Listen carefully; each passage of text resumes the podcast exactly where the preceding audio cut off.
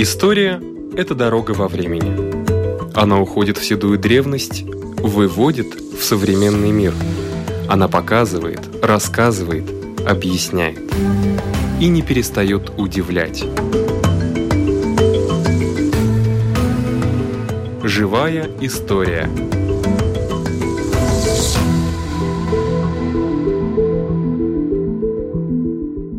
У микрофона Лидия Чера. Название книги «Дайносар путно с парнем» я перевела как «Крылатые дайны». Может быть, я не права. Заведующая музеем Кришина Барана, где будет проходить презентация этой книги Рута Карклиня. Дайны перевести очень сложно. Это интерпретация. И вы как раз то и сделали с названием этой книги. Я тоже смотрю на английский перевод, где говорится о душе этих книг, этих дайн. И поэтому самое главное, что в моих руках книга, которая практически нету, это первый раз такая, перевод на английский язык. Хоть переводы есть, но с таким пояснением, да, и такого перевода нет. Вот у меня в руках маленькая книжечка. Перевод на английский? На английский. И не только перевод на английский, и пояснение, интерпретации, которая очень необходима. Но с вами легко говорить. Вы хорошо знаете английский язык и можете оценить качество перевода. Я не смею, спасибо вам за комплимент, я не смею говорить, что я знаю английский язык. И как сама переводчица Ева Сантевани рассказывала, что как раз это ее побудило, что она читала эти некоторые издания Дайн, и она поняла, что перевод двойной, или был очень плохой перевод, ну тогда мы его отбрасываем, или другое, перевод был прекрасный, но она поняла самое главное, не было души в этом переводе, потому что не скрываем, что мы латыши тоже не всегда понимаем каждую дайну. Так что она сделала огромнейшую работу. Она знает хорошо языки? Да, у нее очень хорошее образование. Когда у нее спрашивают, ну, считает ли она, что она тримдас Латвиета, она смеется, у нее очень такой приятный смех. Это радует, что пожилой человек так прекрасно смеется. И она рассказывает о том, что полгода она здесь, в Латвии, полгода за Латвией. Она знает, да, языки, она владеет языками, потому чтобы найти тут двойная душа нужна найти этот перевод на английский язык и понять, чтобы рассказать о чем. И поэтому она 18 лет занималась. Я понимаю, что это не такая работа, что утром 8 начал, 5 кончил. Но 18 лет она думала об этой работе. И надо сказать, что прекрасно, что она завершила эту работу, если можно говорить слово «завершила». Но работа очень упорная, потому что буквально каждая ею выбранная народная песня есть этот перевод – и я слышала, как она читала эти дайны на английском языке, и мне надо было сказать, что я не могла сразу понять, какая это народная песня. Я не могу сказать, что это плохо или хорошо. Это ответ на то, наверняка, я не знаю эту душу английского перевода. Такое, чтобы изобразительность, эпитеты, метафоры. Поэтому это может быть так сложно. Но как она сказала, что у нее было очень много открытий. Например, мы считаем, что очень трудно определить возраст Дайн. Как мы знаем, это устным образом перешло из поколения в поколение. Но она очень хорошие примеры давала, где можно все-таки определить по тем словам, которые в Дайнах определяется, что там бронзовый век или что какой. Я, честно говоря, об этом никогда так близко не думала. И тут вдруг вы почувствовали? Вдруг я почувствовала. Но я почувствовала, знаете, самое главное, уважение к ней. Огромнейшее уважение к человеку. Ведь если Кришна Субаран, но все-таки кто-то задал эту работу, там, да, упорядочить да. дайны, то ей ведь никто не задавал. Она, будучи в солидном возрасте, решила эту работу сделать. И когда несколько лет назад я впервые с ней познакомилась, она зашла в музей, вы знаете, мне, честно говоря, казалась немножко такая утопия. И когда когда она уже принесла эту книгу, я поняла, что человек, если он что-то хочет в жизни сделать для себя, он обычно старается сделать. Но тут она не для себя, она для будущего сделала. И как? Самый главный ответ на вопрос, почему надо на английском языке эти дайны нужны? Почему? Потому что мы очень маленькая нация. Мы знаем, как это прекрасно. Мы восхищаемся певческим праздником, и все восхищаются. Ну, разобрать суть, об этом надо рассказать. И вот она решилась это сделать, и она сделала это. И поэтому я очень рада, что 6 сентября наш учебный год, Новый год начинается именно с Дайн. Будет очень много музыки, будут звучать народные песни. Я думаю, что и тем, которые знают хорошо английский язык, и тем будет интересно с этой книгой познакомиться. И вас поздравляю, потому что вы тоже педагог. Уже более 40 лет. Да, почти 50. И вчера вечером опять у меня началась новая группа. И опять у меня есть Индия, и Турция, и Румыния, и Марокко. И всех будете учить латышскому? Да. И вчера они каждый рассказывали о своей родине. Второе занятие ну, первый рассказывал о Латвии, и вчера они рассказывали о своей родине. Я хочу, чтобы они не забыли, откуда они, и показывал певческий праздник. Занятие кончилось, но я думала так напоследок, чтобы они не вставали, не уходили, слушали песню до конца. И мы тоже послушаем песню в исполнении Лены Тетеровской.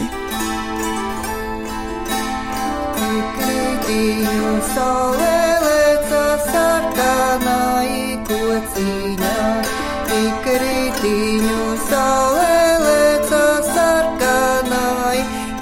kociņām.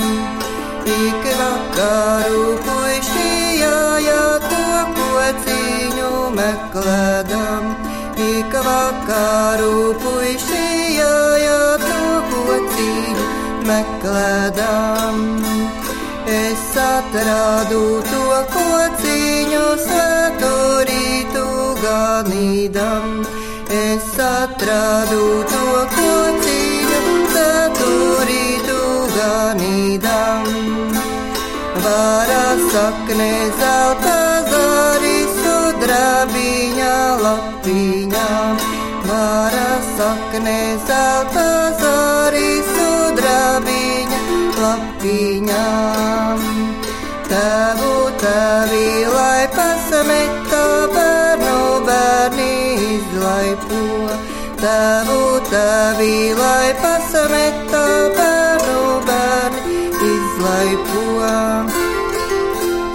Tā bērniņi, lai projām tīlai pietika mūžiņam, tā bērniņi, lai projām tīlai pietika mūžiņam.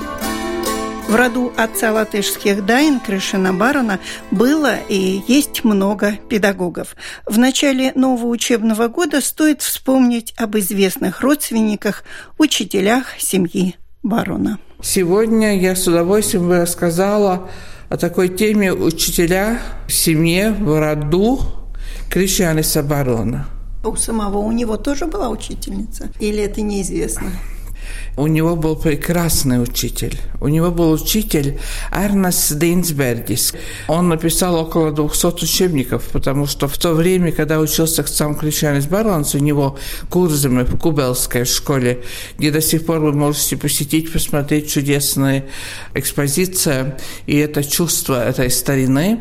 И вот он учился у Эрнеста Дейнсберга, который писал эти книги, который сам изготавливал досочки, на которых дети писали, потому что бумага была дорогая.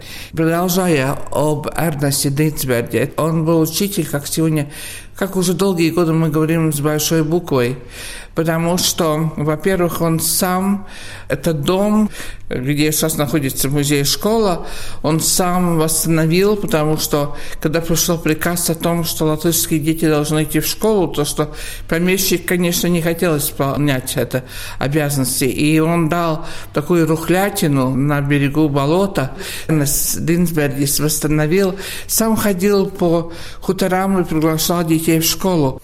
Он был прекрасным учителем и прекрасным человеком. Когда Кришьянис Барон собирал дайны, когда он всех приглашал прислать народные песни, то его старый, уже совсем пожилой учитель прислал им собранные песни и писал письмо. И письмо не начиналось с слов «Привет, крещанец». Он писал «Ауксты ценить барон Кунгс», многоуважаемый господин барон.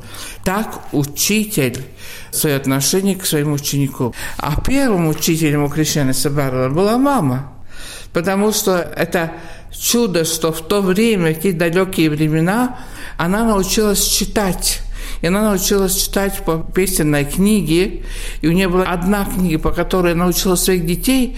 И ее муж, это отец крещаница, и шестерых сестер и одного брата, Юрис, он сделал полочку для этой книги. И с большой радостью, как мы думаем, радовался тому, что жена умеет читать, потому что он был сам неграмотным. Так что я думаю, вот эти два учителя, мама и мама с чудесным именем Энгела, и учитель Эрнест Динтверис, они заслуживают то, что они положили основу христианства барона.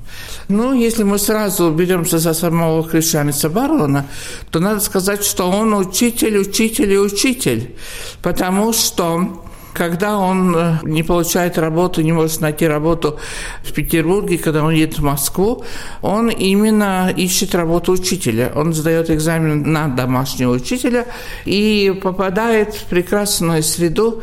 Я вот так эту среду чувствую и жду, когда опять я смогу туда поехать. Это Россия, это Воронежская область. Ну, вначале он знакомится со своими будущими учениками в Москве. Это семья, выдающаяся демократа, мыслителя, поэта, прожившего только 27 лет, Николая Станкевича. Вот у его брата, наш крещанец барон, служит долгие-долгие годы. Он служит домашним учителем. Он их готовил к гимназии, и в этой семье было несколько учителей. Но Кришанис был домашним учителем, который жил все время при этой семье. Что многим объясняется, почему он не жил вместе со своей семьей, потому что домашний учитель, он был на службе. Он преподавал математику, потому что у него самого очень хорошее образование. Это Дептский университет. Конечно, там была и физика, астрономия. Я думаю, что немецкий язык – Обязательно такой предмет, которому мы сегодня, можно улыбнемся, это здоровый образ жизни, скажем так, это физические активности, потому что он сам, когда учился в Энтфилсе, он научился кататься на коньках. И вот там, далекой глубинке на границе России и Украины, он учит своих учеников кататься, изготавливать коньки летом по прекрасной реке Тихая Сосна, они катались на яхтах. Так что каждый день они очень много гуляли. Кришанец Баронс до последнего любил ходить, ходить, ходить. И там он был в таких уже хороших годах. И э, еще я думаю, что он увлекался и преподавал ботаник. Хоть он пишет своей жене, пишет он печатными буквами, потому что до 60 лет она не умеет читать письменные буквы. Он пишет, что устаю за этот длинный день, потому что я целый день должен следить за вечером, уже смотреть, как они идут спать. Значит, обязанностей у него было много, как у учителя. я думаю, что мы иногда приглашаем иностранцев, учителей, и я так думаю, что это один это язык, конечно, а другой, потому что что-то свежее принести, что-то необычное. И вот я думаю, что он как учитель мог быть необычным. Потом Кришанес Баланс продолжал эту педагогическую работу уже в Москве, когда его ученики были взрослыми, и в гимназии он преподавал немецкий язык. Гимназия была Яункунджу, и это было молодых барышень. Молодые барышни учились у него немецкий язык. И интересно, что они все писали ему после окончания этой гимназии, дарили свои фотографии. И маленький казус когда-то получился, потому что столько много молодых девушек, да. Но поскольку я сама учительница, я знаю, что любовь учеников бывает совсем разная. Просто уважение их учителей хочется оставить свой портрет вот таким, каким ты был тогда, когда ты учился учился у этого учителя.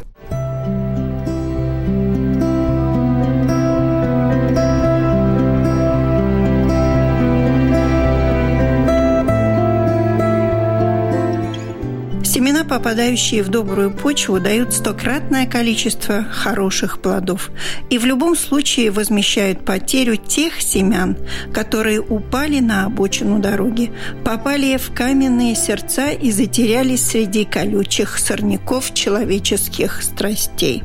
Задача сеятеля – выбрать для будущих плодоносящих деревьев наилучшую почву. Так сказала Елена Плаватская.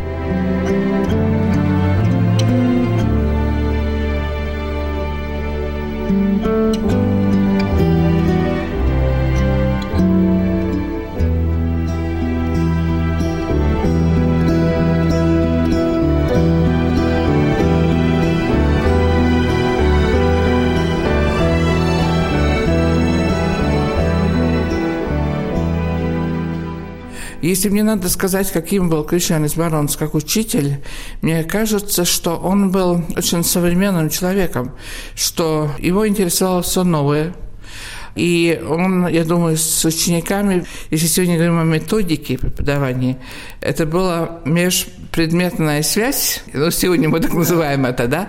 Потому что я думаю, что когда он гулял, он рассказывал ночью, вечером о звездах, наверное, да, и когда они сажали деревца, он говорил о ботанике и о литературе, и обо всем вместе. Мы знаем, что он хорошо знал литературу Европы, потому что переводил Гёте, например, в петербургских газетах, писал статьи для малообразованных людей, чтобы разъяснять разные... Это тоже учительская работа, потому что рассказ о том, почему Солнце больше Земли, нравится всем ученикам до сих пор, хоть они знают, они учили, но поверить-то надо почему. Значит, это о Кришане Бароне. Но у меня одно из самых первых, когда я вообще встретилась с этой работой, и когда начала рассматривать близких Кришане Барона, я познакомилась с Софией Дравнецей. Это было еще до открытия музея. Уже мы готовили открывать музей, и я знала, что я буду здесь работать.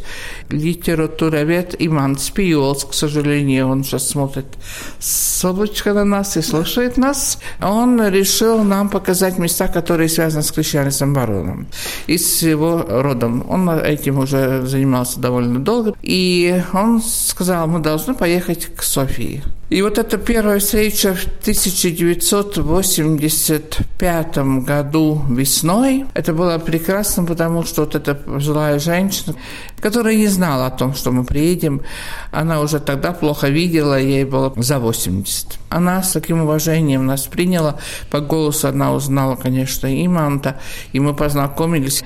Ее история меня поразила. И Иманс рассказывал ее жизнь, как учительница, и рассказала то, что она была сослана 25 марта 1949 года прямо из класса.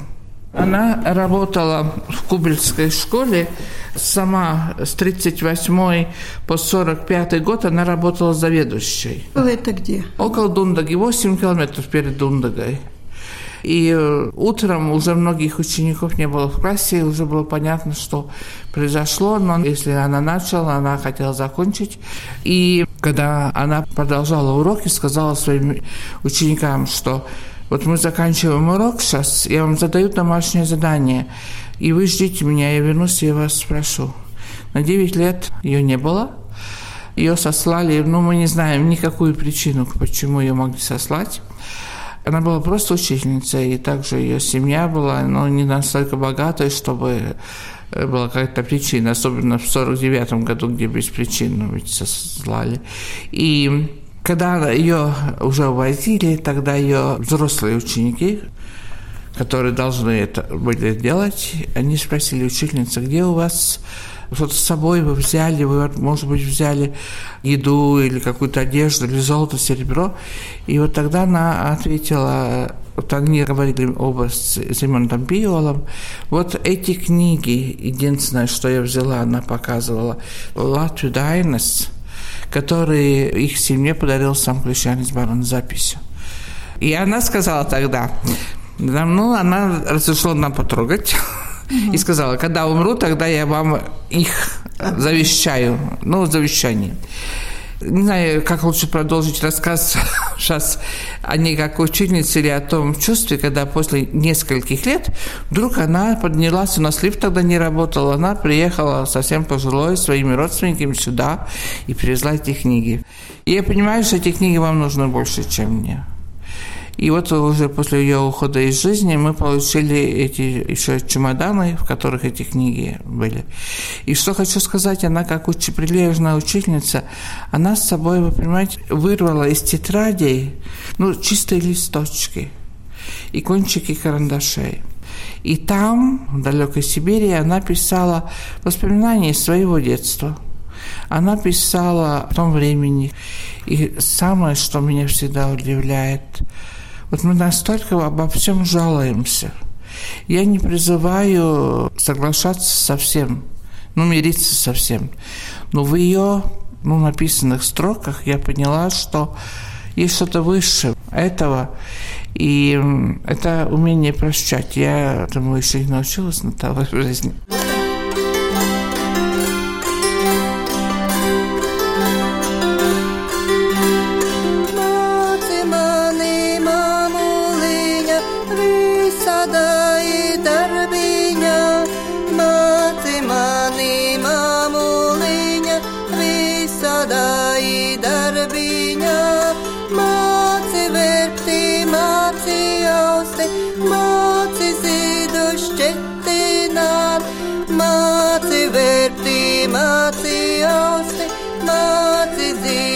šķetināt, sīki mazi žagariņi, paši pūtā, paši deg, sīki mazi žagariņi, paši pūtā, paši deg, sīkas mazas meitenītes, pašas vērpā, pašas savu, sīkas mazas meitenītes paša svētā, paša saud, māci mani māmoliņa, visādāmi darbiņam, māci mani māmolīte, visādāmi darbiņam, pilnadīse darbiņami, māci gudru patomi, izmācīsi darbiņām māci gudru padomi. Skolas bērni gauži rauda, malgratāji vērtāmies. Skolas bērni gauži rauda, grāmatāji vērtāmies. Grāmatāji sīki raksti, vajag gudrapāk. Grāmatā izsīki raksti, vāja gudrā padomiņ. Māsiņ tavu jautru miegu, gudru padomi, māsiņ tavu jautru miegu, tavu gudru padomi.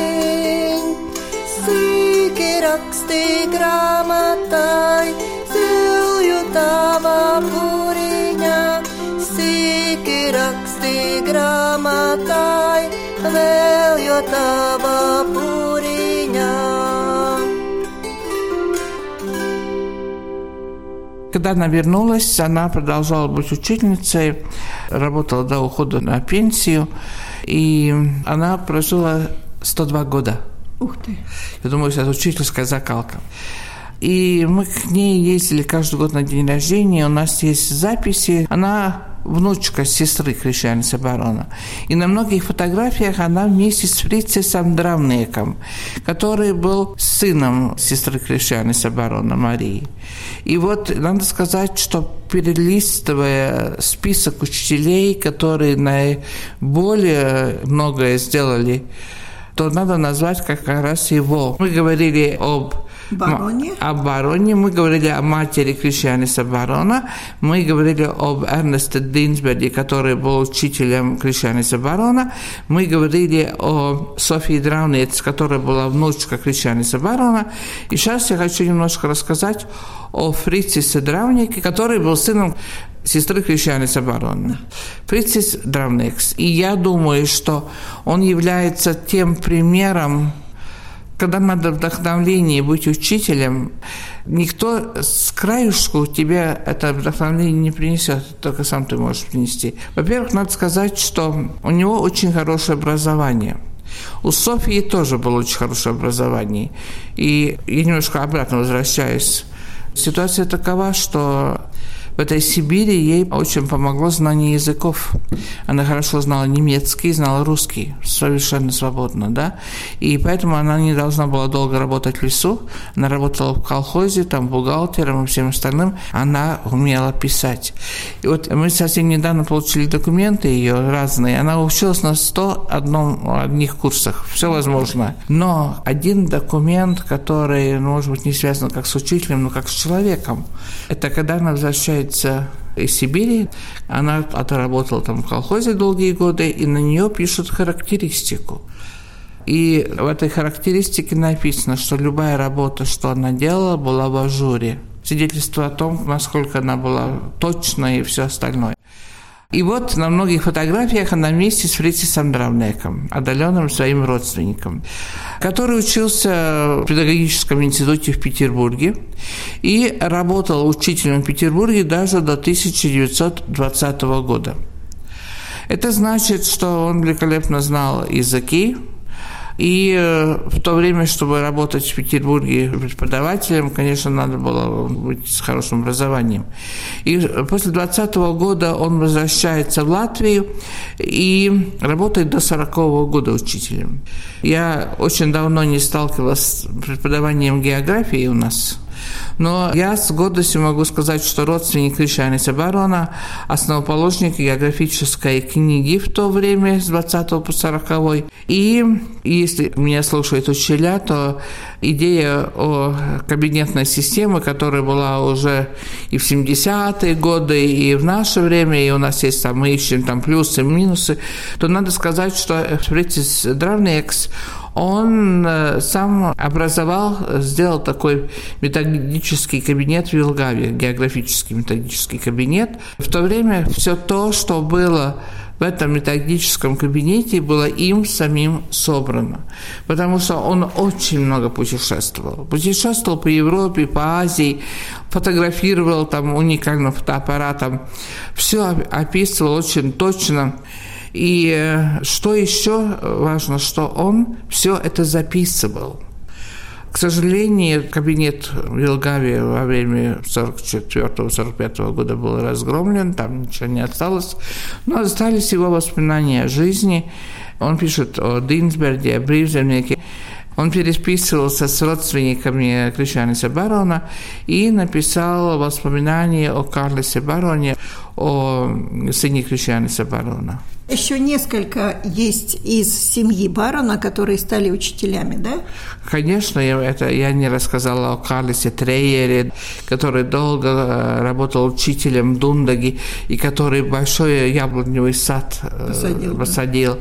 И его дети были учителями, да, и вот они со, э, как раз с бароном переписывались тоже, так же, как Клара Флоренберга, которая работала учительницей.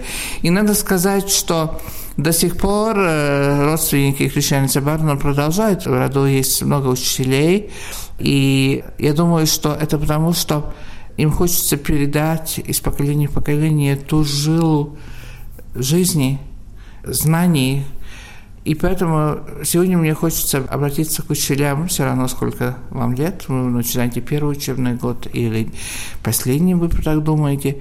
Это одна из самых прекраснейших профессий, потому что ты вечно молод.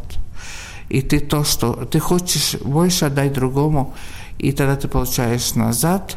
И чтобы дать другому, ты должен очень много учиться всю свою жизнь. Того я и вам желаю.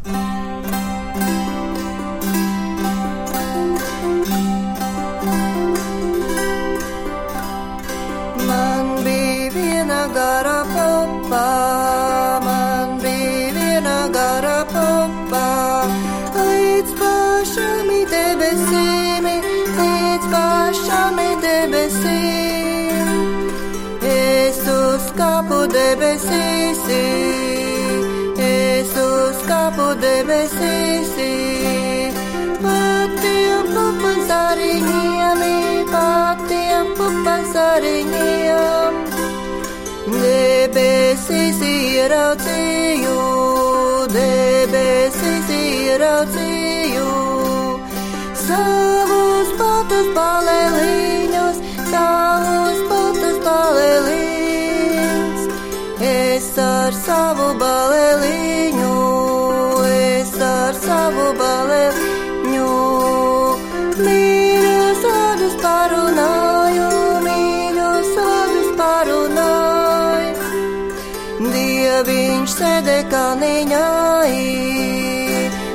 Dieviņš sēdē kalniņā, ar sudraba satuvīti, ar sudraba satuvīti. Kungam lika muļgas sētī, kungam lika smilgas sētī. Ārājām ir rudzus miežas, ārājām